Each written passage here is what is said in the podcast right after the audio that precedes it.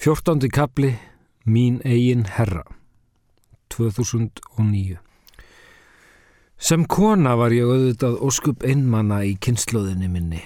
Á meðan jafnaldrar mínir sátu í gagfræðaskóla glýmdi ég við heila heimsturöld. Ég útskrifaðast úr henni 15 ára með lífsreynslu þrítugrar konu Tvítug var ég svo árið 1949 og átti þá samkvæmt stundatöflu tímans að halda til náms á grautarskóla í Baunaveldi, ellegar sinna giftingarhugleðingum upp á fróni, prúð upp stilt stúlka af forsetaætt á dansleik í sjálfstæðishúsinu við Östurvöll. Gunnar Tórótsen hefði bóðið mér upp og við síðan endað á bestastöðum. Með mér hefði hann sigrað, umkringdu börnum og bladamannum. Þessi stað held ég á vit enn fleiri æfintýra, dansaði á þilförum söður fyrir miðbaug og let engan bjóða mér upp, heldur snýri þá niður sjálf.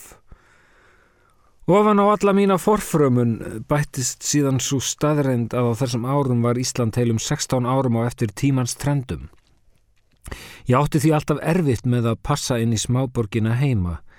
Ég var stríðisbarn í þeirri merkingu orðsins að ég ólst ekki upp í stríðinu heldur ólstríðið mig upp. Ég var því heimskona áður en ég varð kona. Ég var partistjarnna og drakk alla kallmenn undir borðið laungu áður en ásta sigurðar nexlaði landan. Ég var orðin praktíserandi feministi áður en orðið svo mikið sem sást í íslensku blöðunum. Ég hafði árum saman stundað frjálsar ástir áður en það hugtak var fundið upp. Og svo var ég auðvitað laungu búin að kissa Lennon þegar býtla æðið barst loks hingað upp á fásinnisfreran. Og svo var ætlast til þess að ég væri eins og fólk er flest. Ég var sjálfstæð vilaði fátt fyrir mér og let ekkert halda aftur af mér, korki krettur, karlmenn, ég kæftarsögur fór víða um lönd og tók hvaða starfi sem var, sáum mig og mína átti börn og misti eitt, en let hinn ekki tjóðra mig, tók þau með eða skildi eftir, helt stöðugt áfram og let ekki færa mig í hjónabönd, let ekki drepa mig úr leiðindum, en það var auðvitað lang erfiðast. Laungu áður en hippafrúrnar mættu til leiks og hófu að henda börnunum til mömmu svo þær gætu áfram stundað sitt lufsu líf var ég búin að finna upp hugtækið fjármóðir. Já, maður læti nú ekki ávisti fyrra kynlífs spilla því næsta, sagði ein af kvennhetjum sjönda áratúarins eða var það ég sjálf kannski. Sjálfsagt má segja að ég hafi lifað einhvers konar hippa lífi en það smíðaði ég alveg sjálf og upp úr mér en ekki eftir neittni tísku forskrift frá París. Simone de Beauvoir eða Simone de Bovary eins og miðjón minn kallaði hana átti auðveldalneik þar sem enginn voru börnin til að flækja fyrir henni kvennfrelsið en hún var þó allatíð ástarfangi hafði snemma bundist fræðar böndum við Jóhann Pál Sartre litla ljóta heimsbyggjitvergin sem var þó einna mesti kvenna ljómi aldarinnar og gerði ástarsambönd að íþróttagrein sem olli henni ævilangari afbreyðisemi. Hún reyndi að bæta sér það upp með því að stunda það sem gárungarnir kolluðu Le Deuxième Sex en varð lítið ágengt henni tókst ekki að ríða sig burt frá ástinni eins og sagtir fyrir vestan og endaði með því að leggjast með líkinu af kauða eins og Júlia með sínum Rómi og þá lóksins átti hún hann einn. Ekki er ofsögum sagt af auðmingja skapnum í okkur konum þegar svo sem átt að vera okkar helsti fóringi varð aldrei Karl Frjáls. Fullt kvennfrelsi fæst ekki fyrir en allir karlar eru farnir í sitt stríð og öll hætta á barnegnum er liðin hjá. Þá munum við konur lifa sælar einamanns, öld og sleikja hvora aðra um klófið og klappa á kinn en stinga í bakið þess utan. Samband þeirra Sarts og du Beauvoir var á sinni tíð auðvitað þaul auðlist sem nútíma samband Karls og konu og átti að vera okkur öllum fyrirmynd en bak við þá paradísarfilmu reyndist hins vegar helviti fullt af öðru fólki. Um tíma var ég áhugasum um þetta fræga samband og hafði þau hjón á Yahoo Alert hér í bílskúrnum. Leið vart sá mánuður sem ekki reyti fram nýjar hjákonur sem krambúlerast hafðu á sálinni af höndum dvergs eða dömu og sumar af báðum. Í ljós komað skötuhjúin hafðu hægt sér á nefendum sínum, allt niður fyrir bílprófsaldur og síðan hendum frá sér að afmegin lokinni. svo sumar lendu í sjálfsmorðum en geðingastúlkur í gasopni. Öðrum hendu þau á milli sín líkt og tusku dýrum milli tvekja rúma. Það lokum liti loka fyrir þessa áveitu af gamlum uppáferðafrettum. Það er takmarkað hvað ellin þólir af slíku. Jean-Paul og Simón virðast hafa verið einslags tennisspilarar sem leku með sálir í stað bolta. Ef lífið hefur kent mér eitt sannleikar hann sá að aðeins óþokkar geta orðið heimsfrægir. Þá verðist það gilda með rittöfunda að því meira óspennandi sem verk þeirra eru, því meira spennandi er enga lífið. Aldrei varð ég svo fræg að sjá hana á Parísar árunum mínum en honum mætti ég eitt sinn á losta bar upp við Pigalle. Auðu okkar mættust á þraungum salernisgangi. Auðvitað er viss heiður að fá girndar gott úr svo frægum augum en ég fann enga svörun í mínum. Fekk bara óvænta mynd í höfuðið. Andlit hans ummyndaðist í kinnfæri kals. Spangarglerugu kvildi á neflaga limnum og á bakvið þau sátu augun útstæð að springa af sæði. Auðvitað komst ég ekki í hálfkvisti við þá heimsfrægu frakka í bóhemjuskap en átti þó mína spretti. Mig grunar þó að minn óhefti lífstíl hafi ekki orðið almennur meðal íslenskara kvenna fyrir ná allra síðustu árum. Nýverið rakst ég á umfjöldunum Ísland í spænsku riti þar sem ungar ístömur dásumuður sveianleika smáþjóðalífsins hvar allir geta átt börn með öllum því allir eru kortið er, margu barnaðir, fórsturfeður og mæður. Samkvæm þessu er Ísland einn sambílis orgía þar sem börn geta valið sín heimili sjálf. Ég býð nú alveg eftir kallinu frá þeim nútíðarkonum og blómvendinum til brautriðjandan sem þar gætu aðfendt mér hér í bílskur við stutta aðtöfnu. Bara þær hafi ekki viðdísi með sér, hún breytir mér alltaf í sörknött. 15. kapli Fjörðarför 1962 Ljósmyndanám mitt í Hamburg fjaraði smásamann út. Mér tókst kannski stundum að fanga augnablíkið en þó tókst því oftar að fanga mig. Ég kynntist kurt og misti tengslinn við art- und partíliðið í St. Páli og flutti loks til hans og fekk mér vinnu á barnum bróður hans. Kurt átti hraðskreðan bíl og við nötum þess að bruna yfir elbubrýr og út um gular sveitir stundum aftalega til Kölnar og Amsterdam. Fadir hans hafði verið hátsettur hitlersmaður og þetta var hans leið og mín til að blúsa burt frá allt og nálagri fortíð. Á hraðbröðum Þískalands gilda engin hraðatakmörk. Eitt góðan veðurdag var mér hins vegar með flýsatöng drottins kift upp úr æsilegu ungdömu lífi á meilandinu og tilt niður í slórliktandi trillubát upp á Íslandi og var þar eins og Greta Garbo í Grænlandsferð. Hælana vegna átti ég í megnustu erfileikum með að tengja mig við stað og stund og sé ekki fyrir nú hver fallett og fallett allt það var.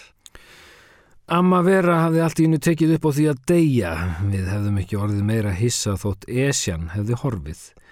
Eftir hundrað ára vist hjá bændum og formönnum við breyðafjörð hafði hún loks ráðið sig í kaupavinu hjá bóndanum á Efstabæ eins og hún kallaði almættið jafnan.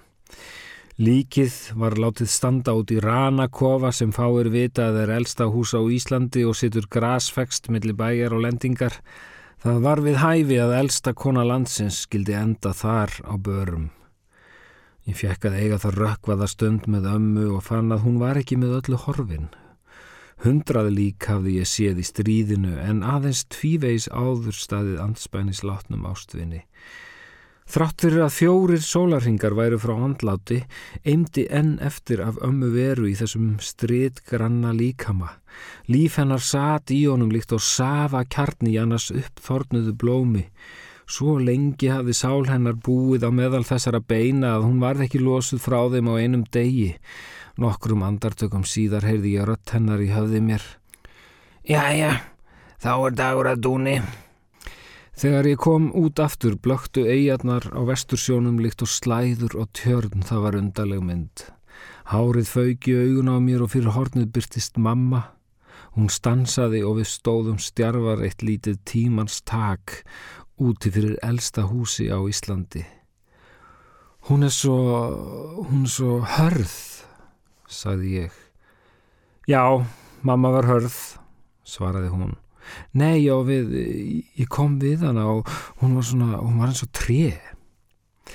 Helgríman var líkt og mistaraleg útskurðarmynd og hendurnar ofan á klæðinu líkastar forneskjulegum búsáhöldum og alls engin nálikt.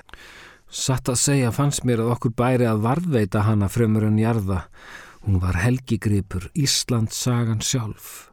Elsta hús landsins var aðeins helmingi eldra en hún. Já, saði mamma bara og stóð áfram við kofa hornið. Ég fekk mig ekki nær henni og við þögðum áfram. Það voru heilu höfin á millu okkar. Lífið hafði aðskilið okkur í fæðingu stríðsins og það þurfti hundra ára mannesku til að ná okkur saman á ný. Og steg hún skrefi til mín og við fjallumst í faðma í fyrsta skipti frá því í janúar 41 heilum 20 árum áður. Samt sem áður fekk ég ekki að standa í fremsta bát í fjardarför. Ég átti sjálfsagt að taka því sem ráðningu að vera sett í þann aftasta. Þrátturir faðumlag var mamma mér enþá gröm fyrir að hafa ekki vaknað heima hjá þeim á bræðraborgarstygnum morgunin áður. Hún hafði rétt mér drengin með þjórsti er ég byrtist loksum hádegið.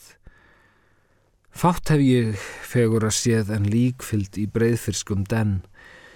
Kistan var höfði í fremsta bátnum í margara bátaröð sem fór með einni kjálrák saman á lafhægu stími millir skers og bóða áleiðis í flatei og alltaf var þetta kvíta logn sem efstabæjar bóndin gaf jafnan í fjörðarför og ekki skóbótar skí á lofti eins og sagt var.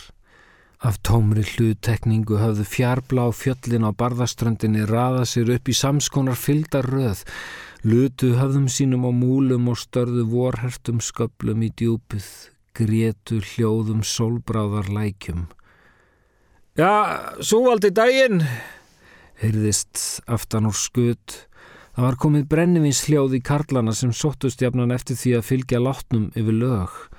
Stundum komu þeir ekki aftur heim fyrir nokkrum dögum síðar og voru húsfreyju fristir að launum. Hvað? Hvað tekur eiginlega marga menn, marga daga på teginum út til að skretta niður í ósaltansvörð og það yfir hábjargræðist tíman? Sögðu þær. Mamma og Fridrik stóði í fremsta báttum hjá kistunni á samt eisteini og línu. Alveg sé ég fyrir mér andlit mömmu í ævivarpinu á mínum ímyndaða flatskjá, kaldur og brimsaltur svipurinn svo myndi alltaf ögna á breyðfyrskan bleika Andlitið snjókvitt en hárið eldsvart smákrullað og bærist horfingt í sorgarblænum sem andar innræð með henni á meðan fingerðasta yfirskegg í heimi viprast örfínt um leið og kistunni er slakað niður í moldarlyktina. Og já, þarna er ég líka á sykstíslegri sorgardrakt með varalit og veski og stari leikkonulega á kvítan og glæni en krossin Verbjörg Jónsdóttir, húskona, 1862 til 1962. 16. kapli, frú Breiðafjörður, 1862. Húskona. Sjálfsagt er það sömu merkingar og húsfluga og hún sem aldrei bjó í húsi. Amma vera var Byrjuð og bartfætt í staglei. Land kúftu breym girtu eikorni á miðjum fyrði sem menn og bátar forðuðu slikt og sker svo eigi á breyðafyrði sem hvað erfiðust var til bús og þar stóð aldrei neitt hús. Nei, hún kom í heiminn eins og kofa, skrýðand upp úr moldar dimri lundahólu á miðjum fyrði, fjardarins barn sem aldrei gisti land í sínu lífi en fór á milli eigalikt og setni tíma konur milli manna. Þannig var amma allt í senn ungfrú, maddama, fröken og frú breyðafjörður, þótt hún gifti sér endar aldrei. Svitakunna spurði hana eitt sinn hvers vegna hún hefði ekki átt nema tvö börn. Æ, mér var nú aðeins tvisakalt um dagana, kom svarið. Ganski var hún meira fyrir snýpen snáða, Guð blessi góða kvind. Tíu ára gömul eignaðist hún eigin rokkhelsanet og 16 ára var hún orðin vermaður í bjarnegjum. Áður en yfir lauk hafði hún sem fyrr segir róið 17 vertíðir þar og í oddbjarnar skeri og teigað sjálfrunnið hákarlalísið með körlum sem voru nú ekki þeir smámóla sem nú bjóðast. Þegar hún var í þórarni í sviðinum varð hún eitt sinn sæliksa. Sjórin náði henni í háls er bóndi kom loks að sækja hana. Þá mælti hún og leik sjór við högu. Þetta er nú allt og mikil fyrirhöf fyrir þig, Þórarinn minn. Hún átti snemma dóttur Sóleiu sem lést ung, það var í bjarnægjum og egnaðist svo mömmu, alls óvænt á gamals aldri þegar hún var orðin, já, illa færum fært út. Að hennar sögn kom barnið undir á sjó í róðri. Á, ég er inn og heila vertið með það barn undir belti en sér kastaði því á landi flatei. Mamma var aldrei sjóveik, eiginleiki sem ég erði því miður ekki. Mægin í mér er alldanskur anskoti, fengin í gegnum föður ömmuna Georgíu og engu vanur öðru en hestvögnum og röggustólum.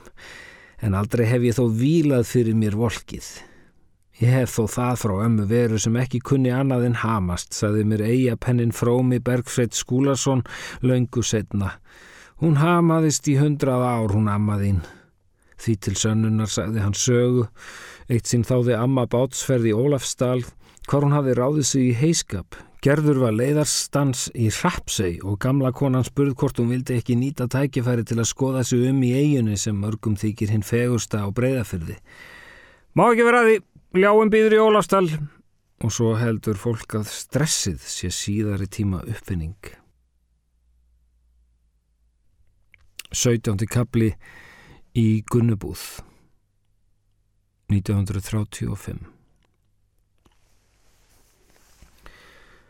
Húskonan endaði æfi sína í Gunnubúð sem stóð og stendur kannski enn við kerlingarvör í Sandvík í Svefnægjum og var upphaflega rist sem bátaskíli en síðar breytti í meiaskemmu. Með ömmu byggu þar heilar þrjár guðrúnar tvær stúlkur um sjötugt, er Guðrún Jónsdóttir og Guðrún Svensdóttir og auk þess einn yngri mær sem kalluð var Svitagunna og átt hafði Ítland þvælingum landsveitir unskunna gamla Jónsdóttir bark henni út í eigjar. Stúlkan svo hraut sem nauta því er amma sagði hann var svo ljómandi heitfeng að hún hitaði baðstofuloftið í gunnubúð líkt á besti miðstöðaropn með sísveittum og selslegum búksínum og var það eina kyndingin í kofanum eftir að eldur sopnaði í kamínu á kvöldin. Ég læt nú ekki svo illa á lyttinni á meðan ylurinn fylgir, sagði amma, en svitagunna var jafnan svo svita þvöl í lókdags að hún fekk ekki af sér fötin og svaf því einat í þeim. Fyrir hátíðar tókst þó gamle konunum að fletta flík frá búk og fara með þvottastikki um það kvíta land. Þá vantaði okkur alveg heilan degas til að fanga þá gufunar mynd á strega. Þetta, er gott, saði stúlkan hratt og stamandi og varð ekki vitað hvort hún meinti sem hrós eða skipun. Svitagunna var það sem þá var kallað naumingi Líkaminn var heill en svipur en dofinn nokkuð djúft á augunum og sljótt í þeirri skímu. Skaparinn hafði skamtað henni heldur nefn til höfuðsins. Sökum auksvipsins sögðu sumir hana ættaða frá Grænlandi en aðrir úr sjólandi. Hún var í afkomandi sels og söðamanns sem fundist hefði í fjöru vafin í þang. Einhvert segul bar hún þó í skauti sér því hún hafi verið ólétt alla sína bernsku en kom þó barlaus út í eigjar. Svitagunna gekk til starfa heim á bæ, það var yfir eina mýri að fara en þær hinnar fóru sjálfnast neitt og sátu dagana langa við dúnkrafs og tófinu á jarðhæð þar sem þær áttu vefstól sem nefndist Pávagarður, ekki mann ég nú hvers vegna, rokk og fleiri dún og öllar græjur. Gömlurnar voru lágar í lofti og þurftu ekki hátt yfir höfuð því hafði mátt skipta bátaskilinu lárétt í tvent með lágu lofti, niðri var öllarstofanan upp í svepploft.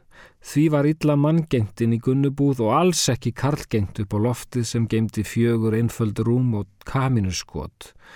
Þangað fór því engin karl heldur létt sér næja að standa í loftgatin og hjala þannig við kaffisúpandi fjórkvinnur sem sátu hver á sínu rúmi undir súðinni, svita Gunna, Gunna Gamla, Gunna Sveins og Amma Verbjörg.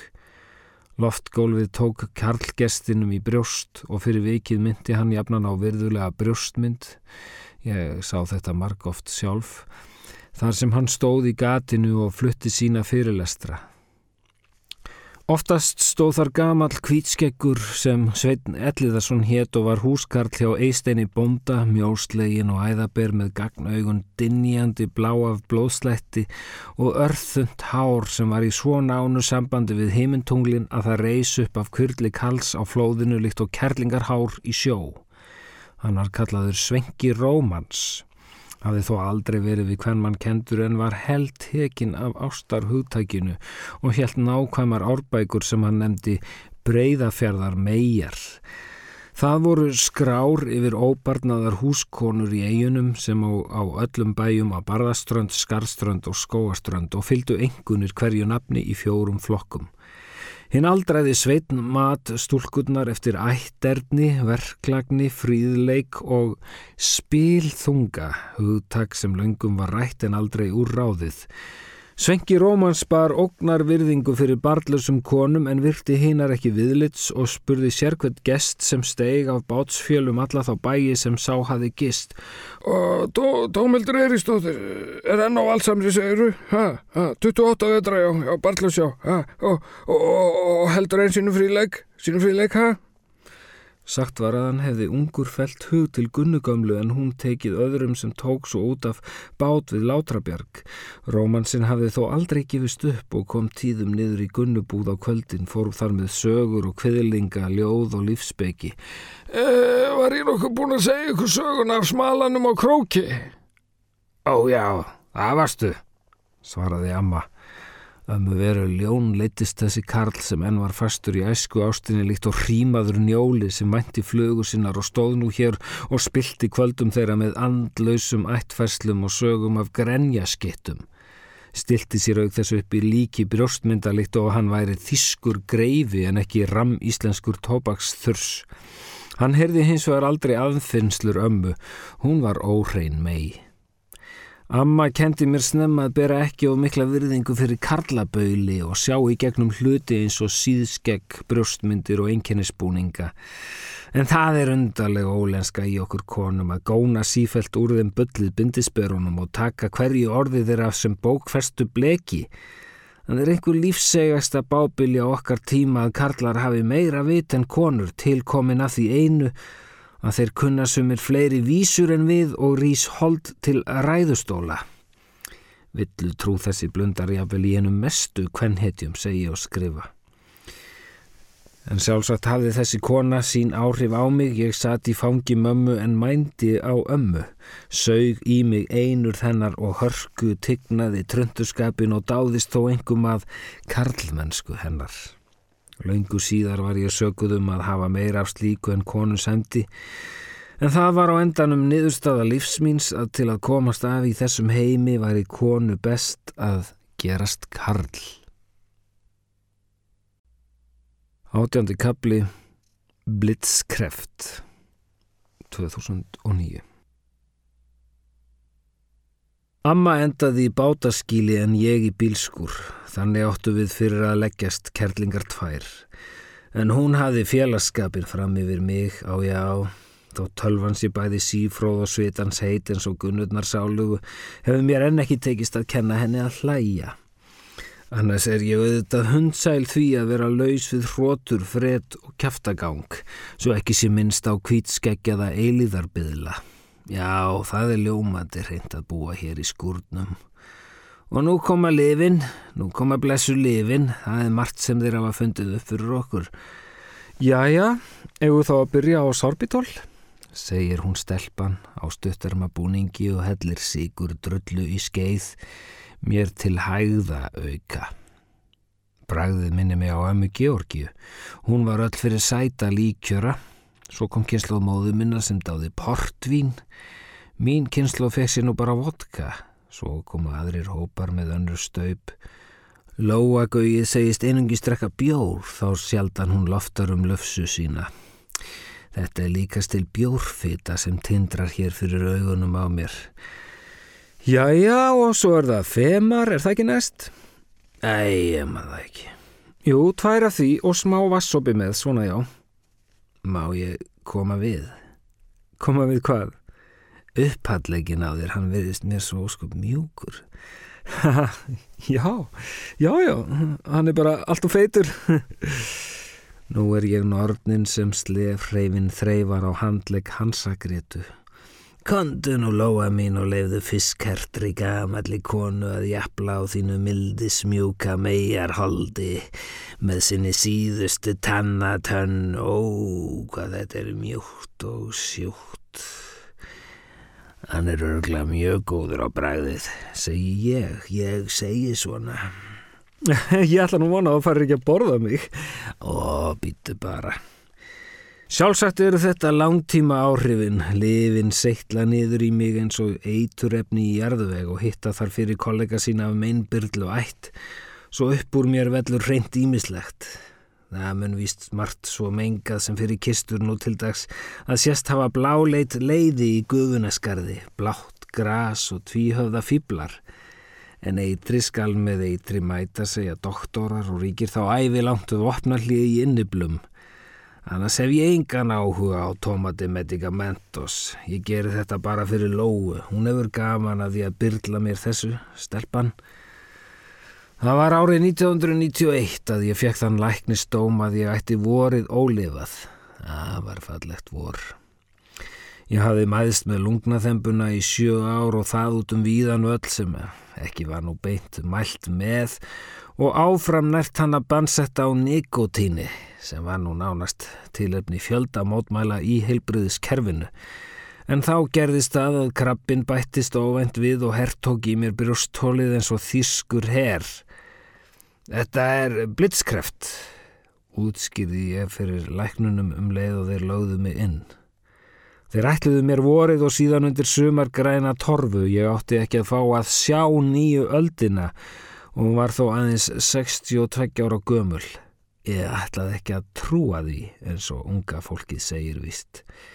En eftir meðferð og meðferð og spröytur og spekulasjóni liv og meiri liv var sem rúsneskur vetur færi um mig og þýskur herr mótti hörfa um sinn. Hann kom alltaf aftur helvískur og gerir enn. Á spítalanum mætti mér svo að auki veiru skratti af allt öðru tægi og mátti ég þakka guðinum fyrir að sleppa þaðan lifandi og hef ég ekki síðan komið í sjúkrahús. Hilsan leifir það ekki. Í átján ár hef ég nú gengið með drengin krabba undir belti og þó er hann korki fættur njötauður en krabbi Björnsson er átján ára skeggrótar piltur með ennisbólur og gæti því verið komin með bílpróf. Sjálfsagt skrýður hann fyrst út þegar hann er orðin fullnum að lækniskandidat og þá til að úrskurða mig látna. Sumir vilja meina að ég sé sá Íslendingur sem lifað hefur hvað lengst með þessu meini og samt hefur nú fórseta blessunin en ekki bóðið mér á bestastaði til að þykja nælu í brjósta þúst. Síðar í heimstyrjöldin geysar því enni í líkama mínum þetta er eilifur bardagi, þjóðverjar náðu lifur og nýrum rétt undir jóli fyrra með sínum ílskeittum meinvörpum og halda þessum svæðum enn en urðu hins vegar að hörfa fyrir bandamönnum úr maga og ristli á liðinu vori. Baráttanum brjóstinu laungu afstæðin og annað þeirra situr nú brjóstaþingi betri heimi. Rússarnir sækja hins vegar fram í brjósthóli og stefna hraðbyrja á hjartað hvað rauður fáni mun blakta senn en þá verð ég öll og friður mun ríkja um gjörfalla álfuna uns Stalin mætir með krupningar hnífin og skiptir búk mínum í tvent og svo verð ég brend, ég er harð ákveðin í því. Nú eru sem sagt átján ár liðin frá því ég átti þrjá mánuði ólifaða. Ég liði þá af og tóri enn og hef þó verið á livjum allan tíman. Þegar ég er orðin leið á því að vera Linda Pétursdóttir kem ég stundum fram undir eigin nafni á örvæntingarsíðunni engamál.is. Einbrjósta kona með krabbamein í lungum nýrum lifur og víðar leitar eftir kinnum við hraustan mann, má vera með valbrá.